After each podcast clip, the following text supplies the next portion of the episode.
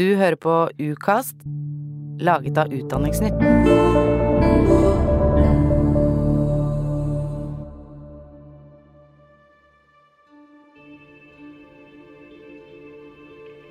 I de forrige episodene fortalte jeg om Jan Helge, som har vært i Polen og hentet flyktninger. De to bussene han og de andre frivillige har leid, er på vei mot Norge. Der skal ukrainerne få bo på Gjesdal gjestgiveri, et nedstengt hotell på Ålgård. Ja, det første jeg tenkte på i grunnen, det var jo der det kom 60-70 stykk, og vi må jo ha mat. Hvor lang tid var det dere hadde på dere da? Ja, altså ifra, ifra jeg fikk den telefonen til de var her, det var gått et døgn da. Du hører fortellingen om da flyktningene kom til Ålgård, laget av Utdanningsnytt i samarbeid med Lyder Produksjoner. Jeg heter Sonja Holtermann.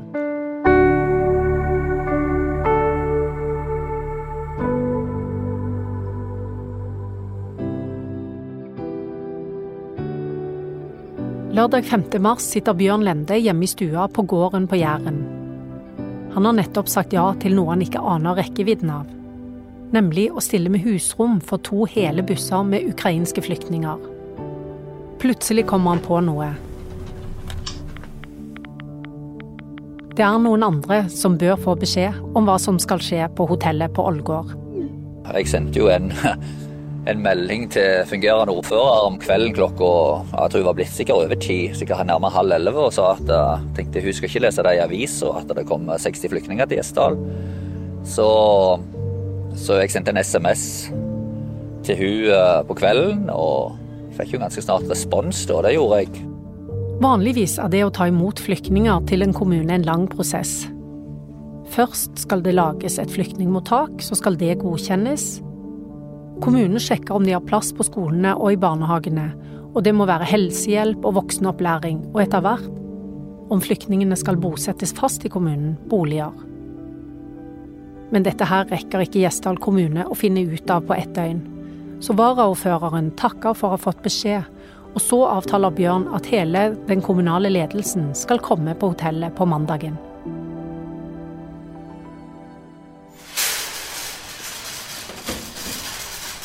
Så når klokka var ni, så var jeg på Coop-en, og da handla jeg bare stort sett alt det de hadde av toalettsaker. Grete Storm Johansen bor på Jæren. Hun driver firmaet No Limitation, hvor hun hjelper folk som sliter med rus eller psykiske problemer. Så de fikk eh, Jeg har blitt mobba for det der, for jeg var så opptatt av at alle damer skulle få en ny truse. så vi kjøpte deodorant, tannbørste, eh, barberblad til menn og kvinner. Vi kjøpte truse, sokker, tannbørster, tannkrem. Alt de hadde deodorant. Så alle fikk på en måte en sjampo, balsam, eh, ja, sånn hygieneartikler. Grete setter hele familien i arbeid og sønnen på ti år får i oppgave å lage poser med nødvendige toalettsaker til damene som er på vei. Jeg tror aldri, jeg hadde med ungene mine òg, så jeg tror aldri en gutt, tiårig gammel gutt har sittet tidligere og, og fått sånne, lagd sånne poser med bind til damer til 55 stykk, liksom. På Jæren er det blitt sen kveld, og gradestokken nærmer seg null.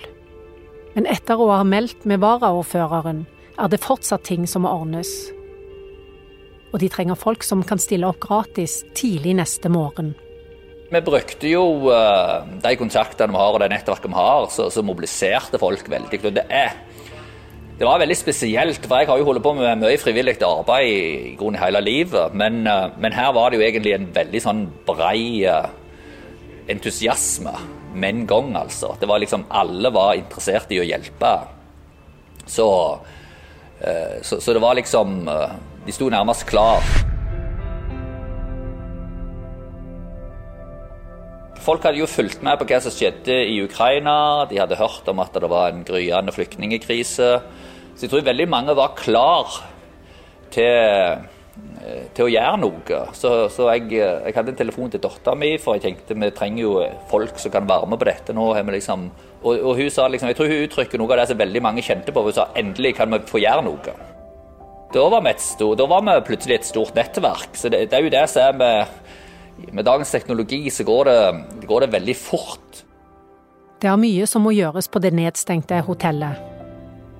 Så, så, det ble organisert i løpet av den kvelden med at det skulle komme folk på dugnad her og gjøre rommene klare. Og, eh, og, jeg hadde eh, snakket med noen jeg kjenner som kunne hjelpe oss med noe mat.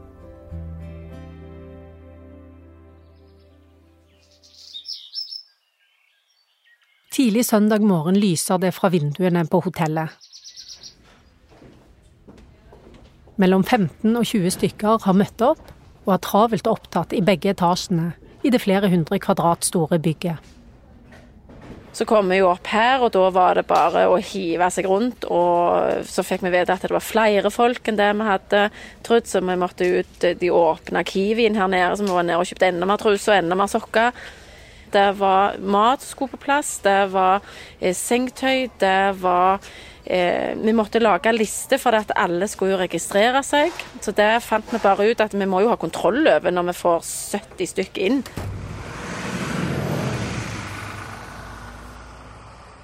På hotellet er det travelt, på grensa til kaos. Men på bussene er det rolig. Karina har vært om bord i snart to dager og har fylt tida med å gjøre veldig lite. Actually, nothing. We just sat and played some video games on our phones. We talked a lot, and just that's all. Det var jo mørkt på bussen og eh, på kvelden og nettene, selvsagt. Og, og folk sov en del, og de spiste og sov, og vi fikk snakket med flyktninger. og Dette er Jan Helge, som har hentet flyktningene til Norge. Det var jo flere som hadde reist ned, som kunne språk. Eh, som kunne ukrainsk, russisk. Eh, så vi brukte tolker når vi trengte det. Og så var det noen som kunne engelsk. Eh, ikke mange, men noen få. Og de var det lettere å snakke med, selvsagt, for vi som ikke kunne ukrainsk eller russisk.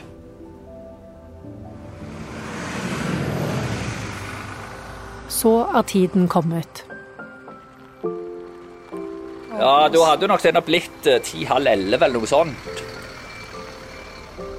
Bussene triller inn på plassen foran Gjesdal gjestgiveri. Helt forrest i bussen sitter en rørt Jan Helge. Ja, det mm, Og lettelsen over å komme en plass der alle kunne være, det var fantastisk. Mm. De kom til en trygg plass. Eh, de var samla eh, fra, fra avreisetidspunktet i Polen og opp hertil. Idet bussene kommer, går Bjørn og Grete ut på parkeringsplassen. Den ellers så mørke plassen er nå opplyst av blitser og kameralamper.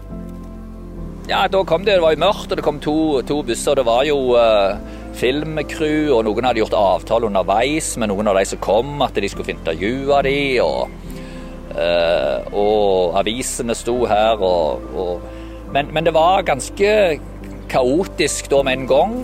Bjørn og Grete trenger seg fram mellom journalistene og går inn på bussene.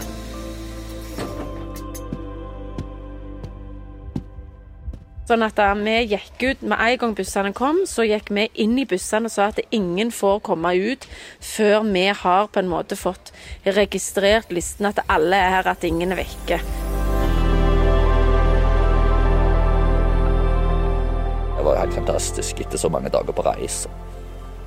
Og vi syns jo de så uh, slitne ut da de kom, og det er for så vidt ikke så løye. Det var jo folk med små unger her, og de har vært uh, seks-sju dager på reis, de som har lengst tid, sikkert. Og, uh, og egentlig litt sånn kummerlige forhold underveis. Vi hadde jo vi hadde jo vært i kontakt med disse for å få liksom liste over hvem som kom, og hvem som hørte sammen og kunne bo på rom sammen. og sånn, Så vi hadde egentlig plassert de på rommene før de kom.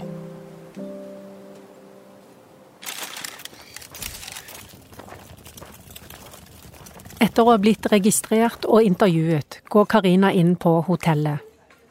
It was, um, it was 11 p.m., so very late and dark, and I was tired.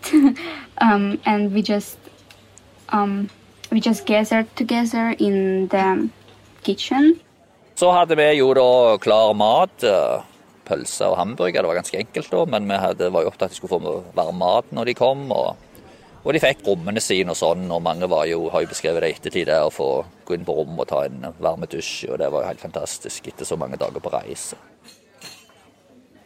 Når alle har spist og kommet seg på rommene sine, kjenner Grete at også hun er sliten. Så det var, det var Jeg husker ikke så mye av det første døgnet, for det, det gikk Jeg tror jeg sov i et kvarter første natta. Grete og firmaet hennes No Limitation tar ansvaret for å drive det private mottaket. De lager mat med flyktningene, prater med dem og hjelper til med det som trengs. Første målet vårt det var å skape en heim. Det var ikke å skape et mottak eller noe sånt. Det var at det var her basen deres skulle være, og det skulle være et hjem. Selv om ukrainerne på gjestgiveriet registrerer seg og søker opphold på vanlig måte, er de likevel ikke som andre flyktninger. De kom til landet privat og bor privat. Penger til mat og strøm kommer fra lokale forretningsfolk og andre givere. Dette er jo egentlig ikke i uh, ordinær forstand et flyktningmottak. Det er jo bare et privat uh, uh, samling av flyktninger, da. Så, så, så, de har ikke de vanlige rettighetene som de har når de bor på et mottak. Og det ga jo vi beskjed om til de òg, at det er ikke de får jo ikke lommepenger her, sånn som de får på et mottak. Og de, de har ikke, altså kommunen har ikke de samme forpliktelsene på en måte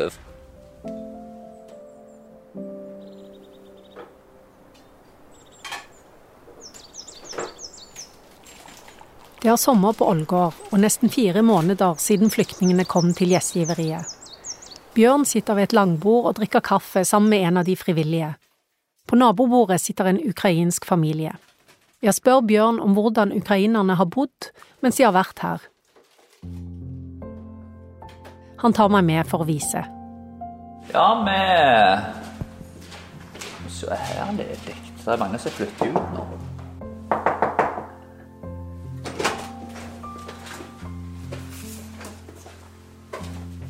Ja, her ser du hvordan det ser ut, i alle fall.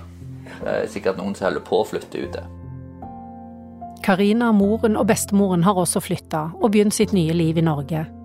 Den lille familien har fått en leilighet og blitt bosatt i Gjesdal kommune, bare noen kilometer fra hotellet. Moren og bestemoren vil dra tilbake til Ukraina når krigen er over, men det vil ikke Karina. I want to stay in Norway. Definitely, it's gonna to be better for my future, for my education and everything else. Karina liker fortsatt ikke fysikk eller fysikkprøver, men hun trives godt på Gjesdal ungdomsskole. I like it so much. It's perfect, I think. Mm -hmm. It's way better than in Ukraine. And what do you want to do later? What do you want to study? Uh, languages.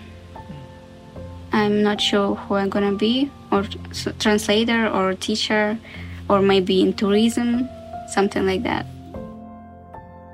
Bjørn visste ikke at han skulle komme til å kjøre fram og tilbake til Ålgård i fire måneder, da han sa ja til å huse Karina og de andre flyktningene den lørdagskvelden i mars.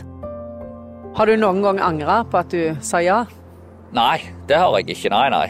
Nei, ikke tale om. Men jeg sa jo nettopp det til kona. Liksom, noen, noen, av disse ungene som har hatt litt med her, og liksom, ja, det blir synd hvis vi ikke får fylle de litt videre. så, så, det ser jeg fram til at vi kan, kan ha. Nå er jeg eh, venn med flere av dem på Facebook, så du ser jo litt hva de holder på med sånn av og til. Og, men, og vi har hatt besøk av noen av de hjemme òg. Og Jan Helge, da. Han som over en kaffe bestemte seg for å redde flyktninger. Som dro av gårde uten å ha alt planlagt og på stell. Og så eh, tenker jeg bare til slutt, er du glad for at du gjorde det her? Det var jo litt jobb. Ja, jeg er glad for at jeg gjorde det. Eh Absolutt. Jeg angrer ikke på det. Og, eh, og det gikk jo bedre enn jeg hadde trodd. Eh, ting ordna seg. så eh, ja, så det er jo kanskje en erfaring her med seg, eh, og jeg tenker òg en utfordring til myndighetene. og Istedenfor å alltid tenke at alt må være klart. I noen situasjoner er det sånn at en må bare gjøre det, eh, og så får veien bli til underveis. Og så må en bare improvisere og finne løsninger. Og der tror jeg eh, myndigheter har noe å lære av de frivillige. Og her slutter historien jeg ville fortelle om da flyktningene kom til Ålgård.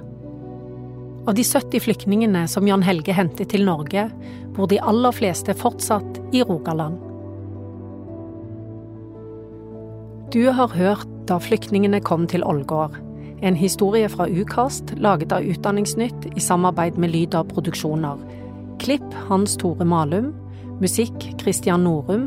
Ansvarlig redaktør Kaja Meilbo. Arkiv er hentet fra NRK. Jeg heter Sonja Holtermann.